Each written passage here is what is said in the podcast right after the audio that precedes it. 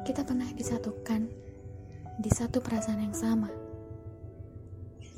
Dan itu berlangsung sekitar tiga tahun. Dan sampai saat perpisahan itu tiba, ya kamu tahu sih gimana perasaan aku. Masih sama, nunggu kamu. Sampai pada akhirnya kamu balik lagi dan kita dekat lagi.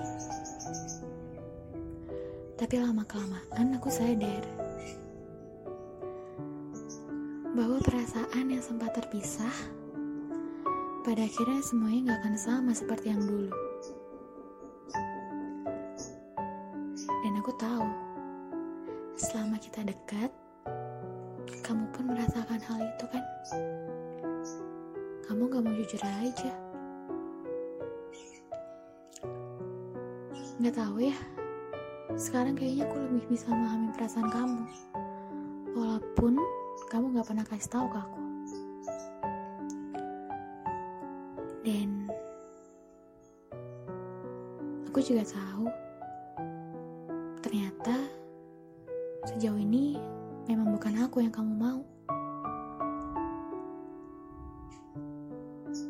Bukan karena kamu sayang sama aku, bukan. Tapi karena kamu belum siap aja aku tinggal sendirian. Oh iya, satu hal yang harus kamu tahu.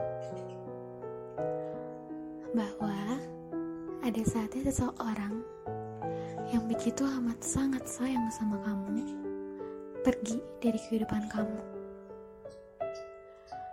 Bukan karena perasaannya sudah hilang, melainkan dia sadar kalau bukan dia yang kamu inginkan. Hubungan itu dijalani sama dua orang. Kalau dari awal aja cuma satu orang yang berjuang, pondasi itu nggak akan bisa berdiri kokoh. Ini bukan tentang kesabaran untuk terus menunggu. Bukan pula tentang sebuah usaha untuk mengubah perasaan sendiri. Tapi ini tentang kepercayaan dan keyakinan. Kalau dari awal aja kita nggak percaya satu sama lain, atau kalau selama ini kita nggak yakin sama hubungan ini, ya hubungan ini nggak akan pernah berhasil. Terima kasih ya untuk semua waktu yang udah kamu kasih. Semoga kelak